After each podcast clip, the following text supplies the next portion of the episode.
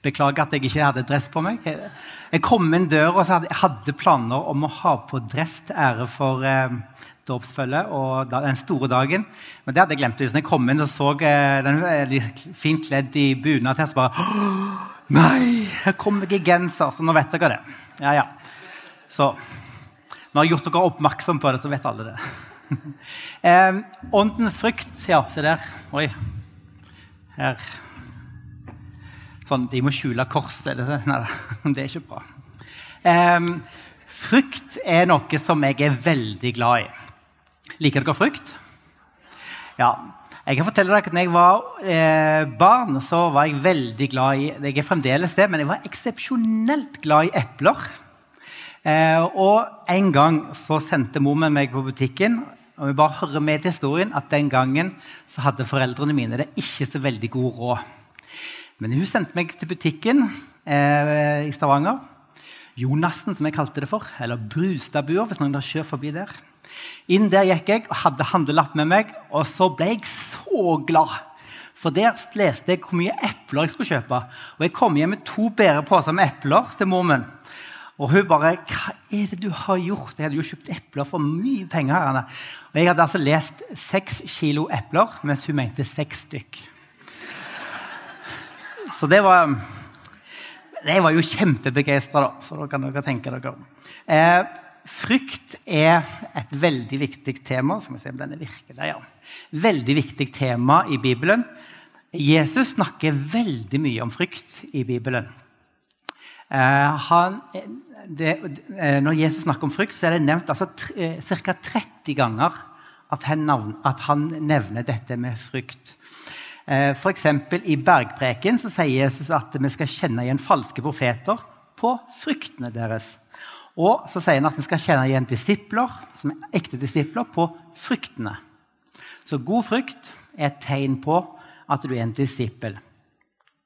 Eh, han hadde òg denne lignelsen om såmannen. Og Der står det at det, det var de som tok imot ordet og forsto det, som bar frykt. Så frykt det var altså som jeg sier, fryktelig viktig. Eh, hvis jeg snakker om åndens frykt, så tror jeg kanskje de fleste av dere eh, tenker på et hovedskriftsted i Bibelen der det er nevnt. Det er i Galaterbrevet. Der kom han.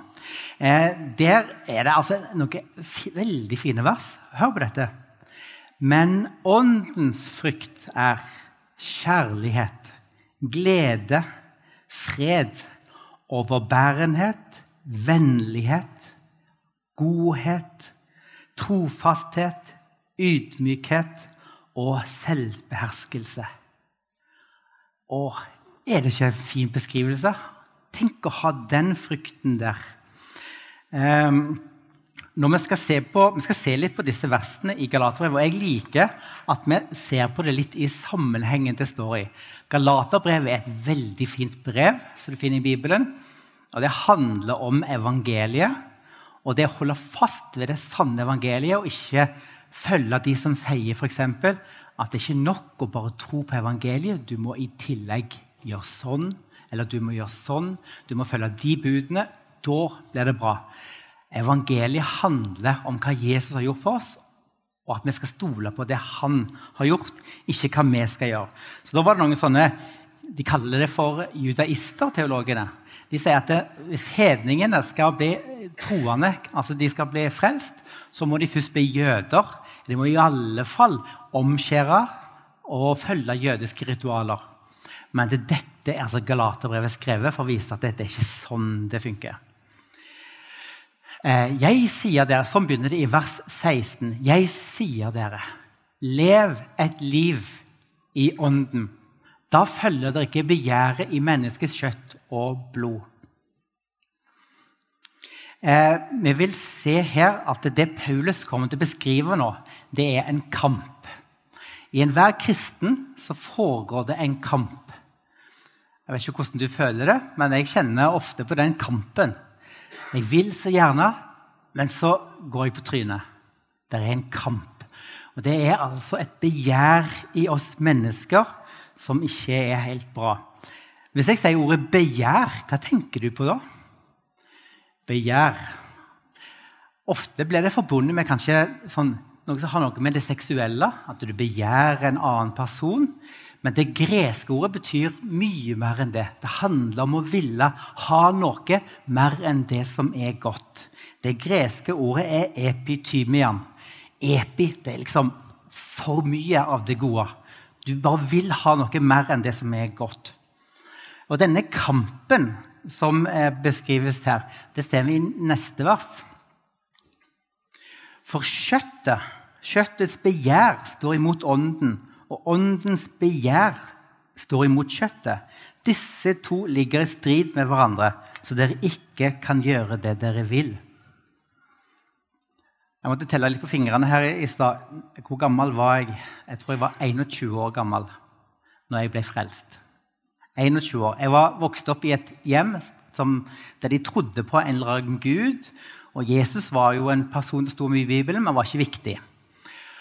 Og Så eh, kom jeg til Bergen, og der fikk jeg høre mer om Jesus. Og så skjønte jeg at det, nei, Jesus er ikke bare en godt menneske, men har faktisk dødd i vårt sted tok våre synder på seg. Og når jeg var ca. 21 år gammel, så ble jeg det som vi kaller for frelst. Altså Jeg ble en kristen. Jeg ble født på ny. Og den første tiden, hvordan tror dere den var? Jeg husker at det, eh, en gang jeg, hadde vaska jeg bodde på jeg hadde vaska jakken min, og så var den så ren. Og så synes jeg Det var en beskrivelse på den følelsen jeg hadde i den første tiden der. Jeg følte meg så ren, tilgitt, elska av Gud. Og jeg følte livet var helt topp. Og det var, som noen sier, det var herlig å være frelst. Jeg sa, er det herlig å være frelst? Det var en gang en mann som kom inn til en eh, litt sånn traust pastor. Så sier han å, det er herlig å være frelst, du! Og så sitter han der i traust pastor. Ja, jeg vet ikke helt om det, men jeg vet iallfall én ting. Det er helt nødvendig. Denne, denne, gleden av å føle at alt er så topp og det nesten, Kjenner dere den sangen? Det bob, bob, bob, bob, bobler inn i meg. Liker dere den sangen?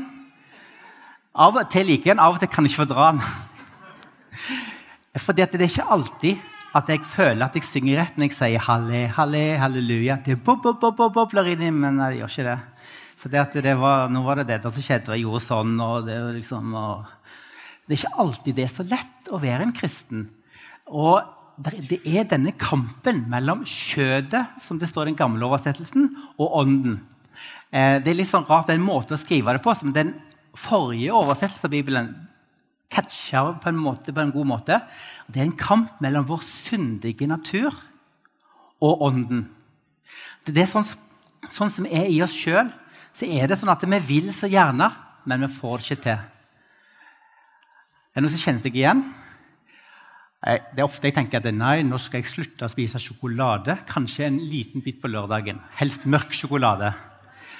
Men så det, har Kristin har hun sånne gjester, sånne, hun har sånn Bible study, så åpner hun en sånn pakke med sånne nå Sist var det sånn M&M. Og så, eh, og så er det jo bare én bit. Det, det går ikke. Begjæret er for stort. Dette begjæret beskriver Paulus i Romerne 20 òg. Der sier han at eh, han, han vil, det gode han vil, det gjør han ikke. Det onde han ikke vil, det gjør han. Den kampen ligger i oss, for vi ennå er prega av denne verden. Vi ennå har vi, lever vi med, med vår, vår syndige natur er ennå til stede. Og det gjør at vi får ikke til å leve det livet som vi ønsker til ære for Gud. Um, men så er det et løfte her. Hvis jeg går ett hakk tilbake, så er det et løfte her. Da følger dere ikke begjæret i menneskets kjøtt og blod, eller i vår syndige natur. Lev et liv i ånden. Da følger dere ikke. Hva vil det si å leve et liv i ånden? Betyr det at ja, jeg skal være litt åndelig, så, uh, litt sånn, litt sånn uh, spirituell?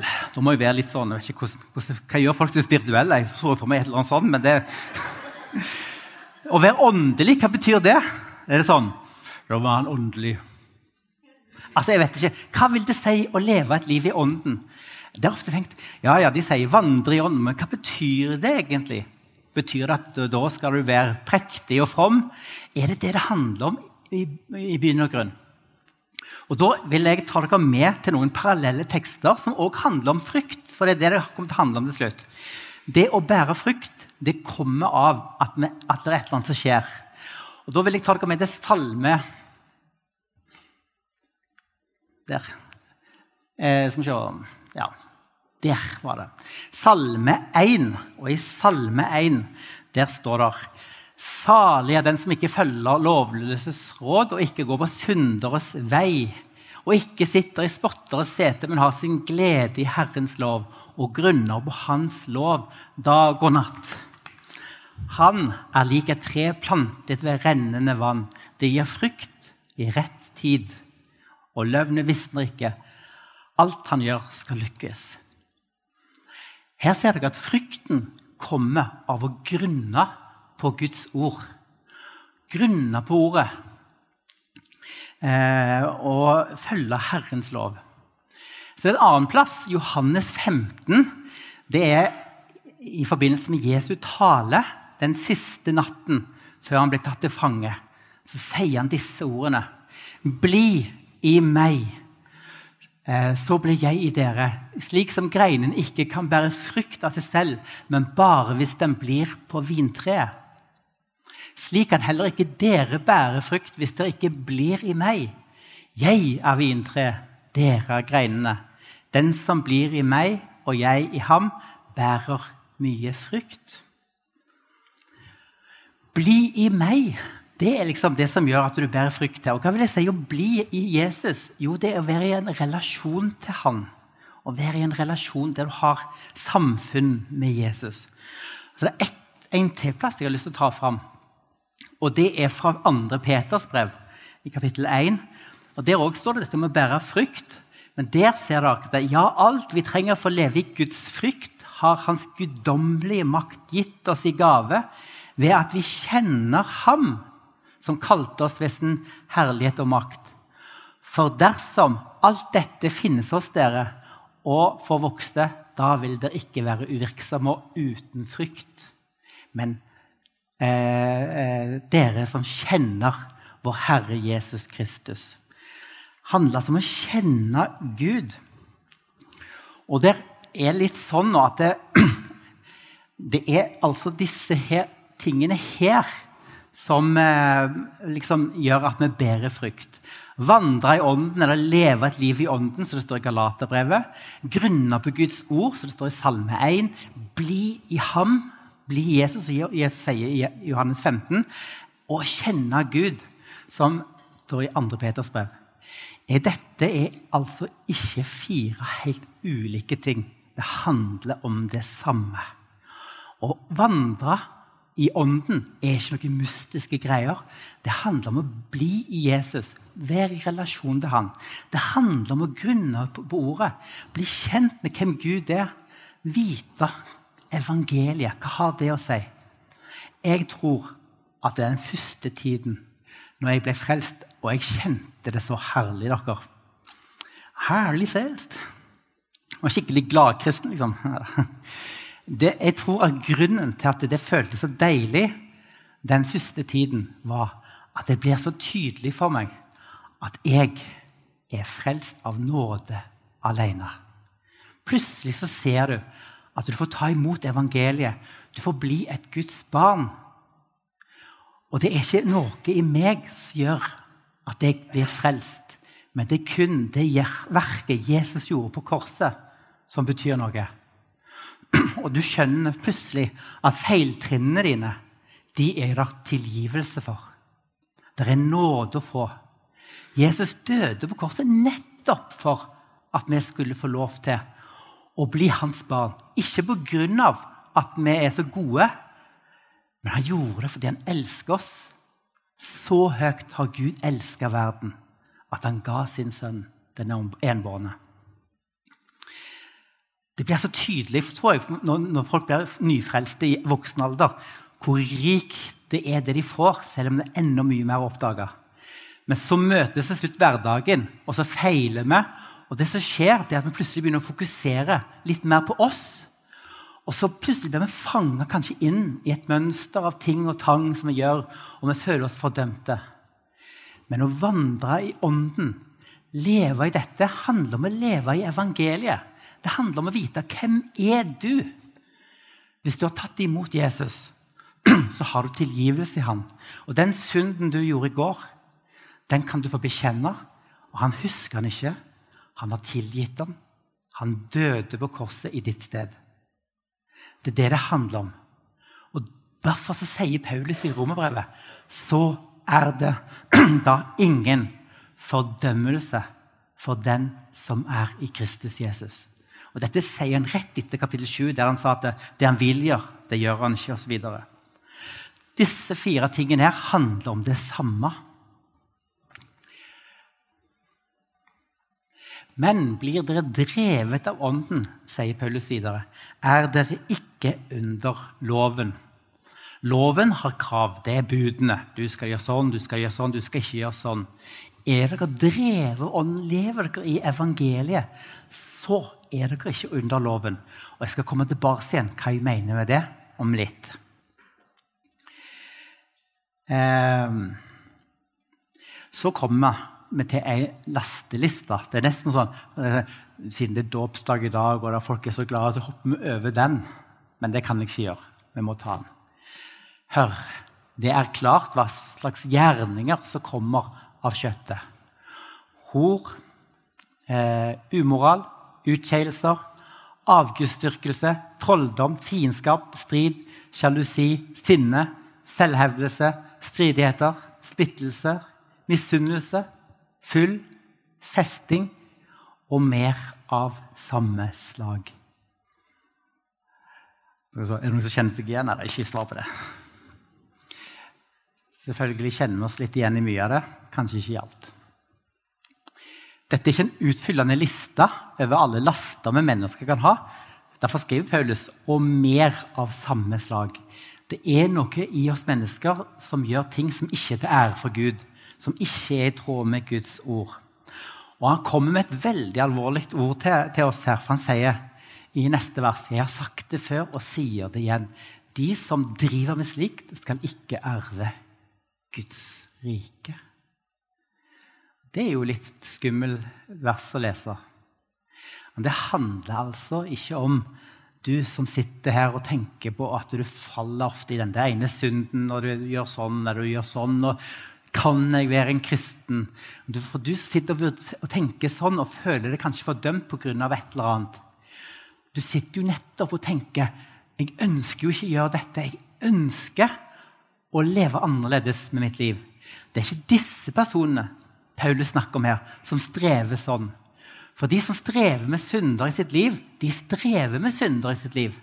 Og dermed så er det et tegn på at de mener det er galt, det de gjør. Men de som driver med slikt, det står i presens form. Det er de som bare holder på med det. De som ikke syns det er noe, har så veldig mye å si. Det er de er ikke De skal ikke arve Guds rike. Synden er alvorlig. Den er så alvorlig at Jesus måtte dø på et kors for oss. Det var den første tingen jeg oppdaget da jeg ble frelst. For jeg syntes Jesus var en fin person. Jeg hadde hørt litt om han. Gud var en eller annen gud som eh, var stor og et eller annet hadde skapt verden. Men hva var poenget med Jesus? Han tar dette så alvorlig, den, det fiendskapet vi har i utgangspunktet med Gud, at han, han gikk veien, virkelig veien, og døde på korset for oss. Dette er ikke eventyr vi snakker om. Dette har virkelig skjedd. Han måtte lide på korset en smertefull død. Og det gjorde han for oss. Og så kommer vi. Men åndens frykt er kjærlighet, glede, fred, overbærenhet, vennlighet, godhet, trofasthet, ydmykhet og selvbeherskelse. Slike ting rammes ikke av loven. Jeg spørre, Er det noen som kjenner seg igjen her? Rekker opp hånda? jeg ikke gjør det. Ofte litt sånn vanskelig, for dette, eh, det, frykt er jo noe som skal vokse. Så hvis du er en kristen og lever i ånden, eller vandrer i ånden, gjør disse tingene jeg snakker om, så skal det vokse frukt. Og det er litt vanskelig, for når jeg skal holde tale om frykt, så tenker jeg ja, hvordan er det med meg? Har, har, frykten vokst de siste årene? Og så ble jeg litt usikker. da. Det er En som klokt har sagt at det, den frykten den vokser på ryggen. Den vokser på ryggen, Så det andre kan se den, men du ser den ikke sjøl. Så vi sånn, Jeg er veldig tålmodig. Jeg er veldig ydmyk. Jeg er den mest ydmyke av alle her inne. Det høres jo veldig rart ut. Nei, det er ikke sånn det fungerer. Åndens frykt det er noe som vokser i, i, så, eh, hos den kristne. Eh, legg merke til også at det står 'åndens frykt'. og Det ser dere kanskje ikke så godt på den norske oversettelsen, men på frykt er skrevet i entall. Åndens frykt det er én ting. Og denne tingen består av disse tingene her. Kjærlighet, glede, fred osv. Annerledes var det med kjødets gjerninger. De var mange. Og Det er sånne ting som du gjør mens dette er ikke ting du gjør. Dette er en måte du er på. Det er en måte som preger deg, som, gjør, som er en del av måten du handler med andre mennesker på. Og dermed så er det òg eh, viktig å få fram at eh, en som heter Gordon Fee, en, en, kjent teolog, han sier at det, det er kanskje ikke rett å lese den listen der på en individuell måte. Som den er skrevet til deg alene. Nei, dette er skrevet til de kristne i Galatia, og på den måten også til oss. Åndens frykt handler om frykten i fellesskapet.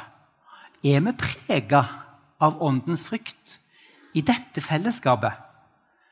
Vandrer vi i ånden? Grunner vi på Guds ord? Det er det teksten taler om. Hva er det som preger oss her? Er det evangeliet? Eller prøver vi liksom litt gjerninger og få det til sjøl? Hva er det som styrer oss? Åndens frykt. Og her kommer vi Nå skriver det litt sånn fancy sånn. Noen har sagt at dette er en veldig fin beskrivelse av en person som jeg kjenner. Det er ikke det, Kristin. Men det er litt. Min kone, altså. som har lurt på det. Nei, dette er en veldig fin beskrivelse av Jesus. Ser dere det? Jesus han ga sitt liv for oss fordi han elsker oss. Har du tenkt på det? Hvorfor elsker jeg, av og til på, hvorfor elsker Gud deg? det er så fint, for Av og til så, så min datter Elise, som de fleste her vekker med, hun, hun, er jo veldig sånn pappajente, og hun sier at hun er så glad i pappaen sin. Det har kanskje noen av dere har sett og hørt. Så spør jeg av og til ja, hvorfor det, da? sier jeg. Denne. Og det er jo fordi jeg vil fiske for å få mer. Dere skjønner det. Men hun svarer jo, fordi at jeg er så glad i deg. Det er eneste svaret hun har. Og Det samme kan du se med Gud. Hvorfor er Gud glad i deg? Og Det er ikke sånn at det, Ja, fordi at eh, du eh, Jan Inge, du er så flink å synge. Derfor er Gud glad i deg. Nei, det er ikke derfor. Gud er glad i deg fordi han er glad i deg. Fordi Gud er kjærlighet. Og Der ser vi at disse beskrivelsene passer veldig fint med Jesus. Eh, I Johannes 4, vers 7-21 eh, står det nettopp der. Der står det Gud er kjærlighet. Og Det er denne kjærligheten som skal prege oss. Så kjærlighet er altså kjempeviktig. Eh, en kjærlighet i bibelsk forstand er ikke en kjærlighet som mange moderne mennesker tenker på som kjærlighet. Sånn, og eh, sånne følelser for andre mennesker. og Det handler ofte om hva vi føler. Men det handler heller ikke bare om å være praktisk og gjøre ting for andre. Det har jeg hørt mange kristne forkynnere si. At kjærligheten det er ikke en følelse, men det er praktisk handling. Så kommer jeg og leser plutselig i et brev som første Korinterbrev. Og det kjenner dere kanskje til, for Der står det et kapittel 13 som vi kaller for kjærlighetskapittelet. Og hva står det der? Jo, om jeg taler med mennesker eller englers tunger, men ikke har kjærlighet, er jeg som en drønnende malm eller en klingende bjelle. Nå husker jeg ikke hele verset utenat. Men i fall så står det om jeg profeterer, om jeg til og med gir meg et liv, men ikke har kjærlighet. Altså Alle disse gjerningene vi kan gjøre for mennesker, men ikke har kjærlighet, da er du ingenting. Kjærligheten er ikke bare praktisk. Men det handler heller ikke bare om følelser. Men det handler om virkelig å ville og ønske det beste for din neste. Hvis jeg bare gjør ting for min kone bare fordi det er min plikt, for jeg er jo tross alt gift med henne, da må jeg jo gjøre sånn, det, akkurat, det ville ikke akkurat vært kjærlighet. Mens jeg gjør ting fordi jeg er glad i henne og vil hennes beste. Det er det som er bibelsk kjærlighet. Kjærlighet som ønsker den andres beste. Så har vi glede. Og glede, det handler altså om å, å, å eh, ja, Glede er jo et ganske forklarende ord i seg sjøl, men for oss kristne handler det òg om gleden over å høre Gud til. Gleden vi har i evangeliet. Eh, I 1. Peter kapittel 1 og vers 8 så står det altså om at han, altså Gud, han, Jesus, han elsker dere enda dere ikke har sett ham. Han tror dere på enda dere ikke ser ham. Og dere jubler og er fullt av en glede så herlig at den ikke rommes i ord for dere nå troens mål, frelse for deres sjeler. Så, men, så når jeg uttrykker jeg er litt traust, når jeg skal uttrykke skikkelig jubel på bedehuset, så er det kanskje jeg gjør sånn. da. Sånn. Men andre gjør sånn. Men jeg er litt traust, så jeg, klarer, jeg, jeg har kommet dit. Det er litt rart, for noen sier at det er sånn, oi, det er sånn pinnsvenner, for eksempel, de er sånn skikkelig sånn henger i gardinene. Og så Rett etterpå så går de på fotballkamp så står de sånn og lager skåre. Ikke litt rart? Så Det å glede seg over evangeliet er kjempeviktig. Vi må glede oss i lag. Tenk hva vi har for noe i evangeliet. Så har vi fred, som er et kjempeviktig ord i Bibelen. Eh, det greske ordet er eirene, men ikke Irene, altså, men eirene. Tove Irene, er du her? Eh, men det hebraiske ordet er det noen som har hørt. Det er shalom. Og shalom, det, Hvis en jøde treffer en jøde i dag, så sier de shalom. Det betyr hei. rett og slett. Men det betyr egentlig noe veldig mye.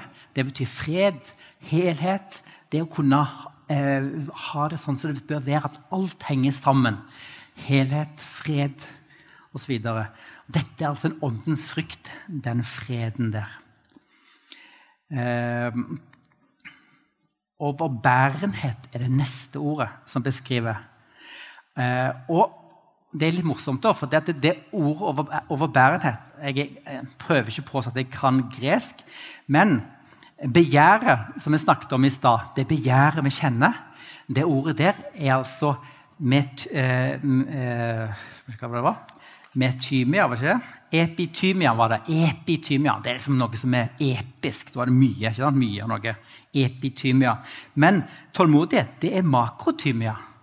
Makron, det betyr lang. Og, tymia handler om å, å liksom kreve noe, å være sint, liksom. Å ha noe. Jeg vil ha noe. Og når du har makrontymia, da er du på en måte langmodig.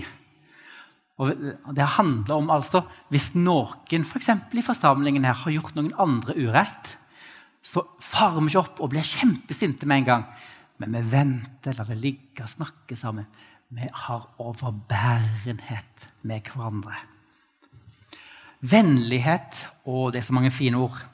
I Efeserne sier Paulus.: Vær gode mot hverandre, vis medfølelse og tilgi hverandre, slik Gud har tilgitt dere i Kristus.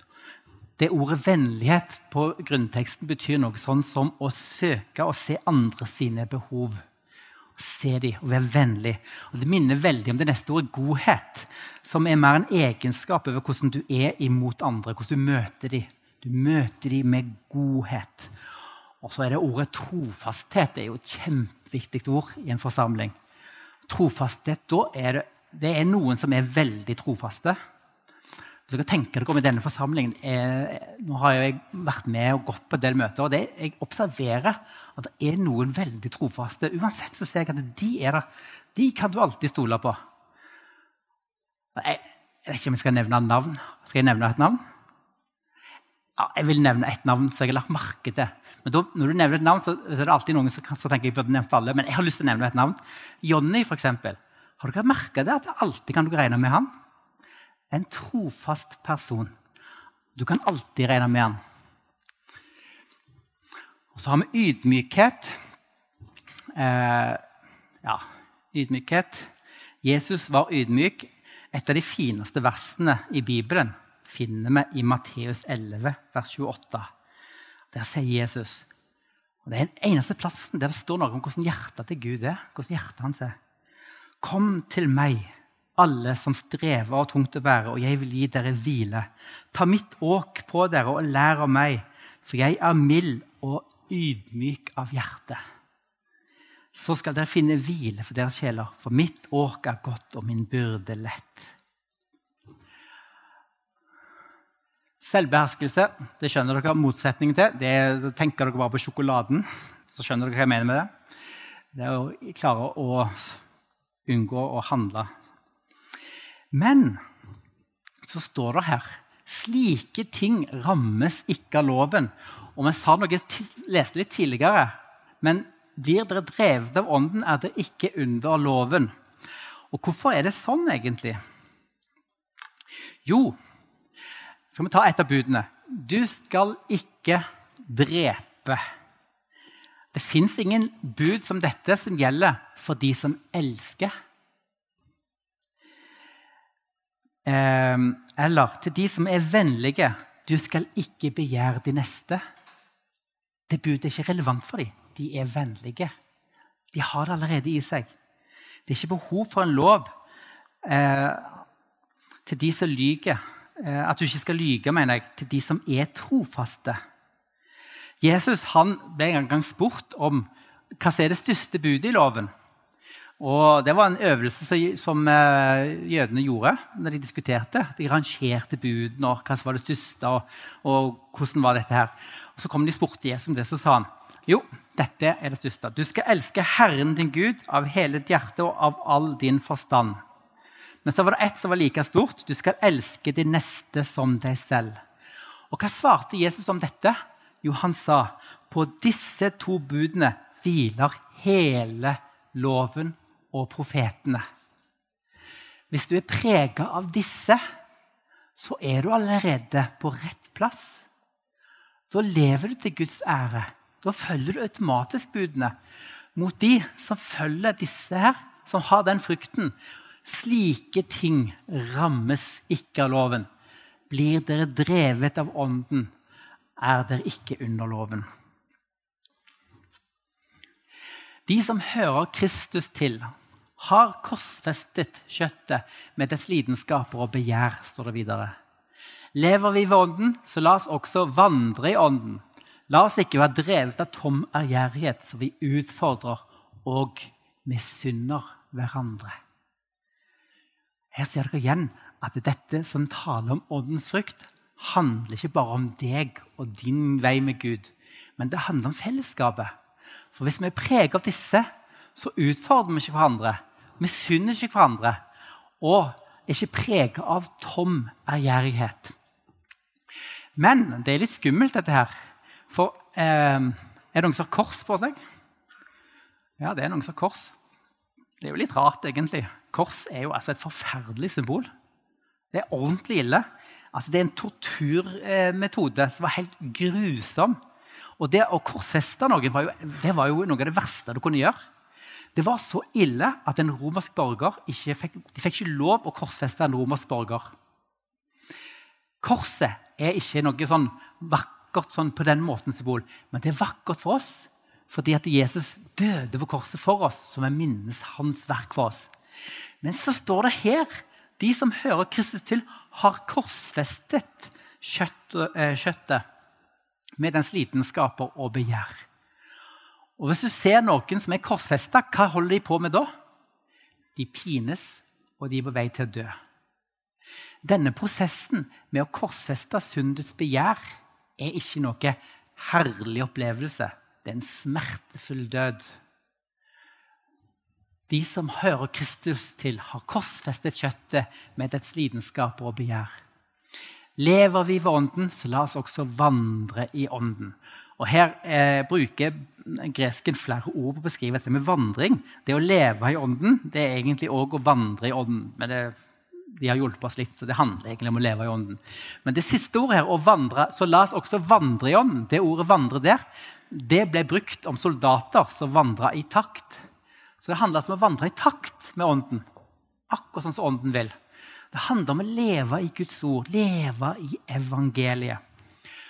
Så åndens frykt er mye hyggeligere å prate om korsfestelsen, men her har dere det, altså. Åndens frykt, kjærlighet, glede, fred, overbærenhet, vennlighet, godhet, trofasthet, ydmykhet og selvbeherskelse. Og må vi be om at vi må være preget av dette. At dette preger denne forsamlingen og våre liv. La oss be. Gode himmelske Far, jeg takker deg for evangeliet. Takk at du var villig til å sende din sønn til soning for våre synder. Og takk at vi kan få leve i troen på deg, i evangeliet.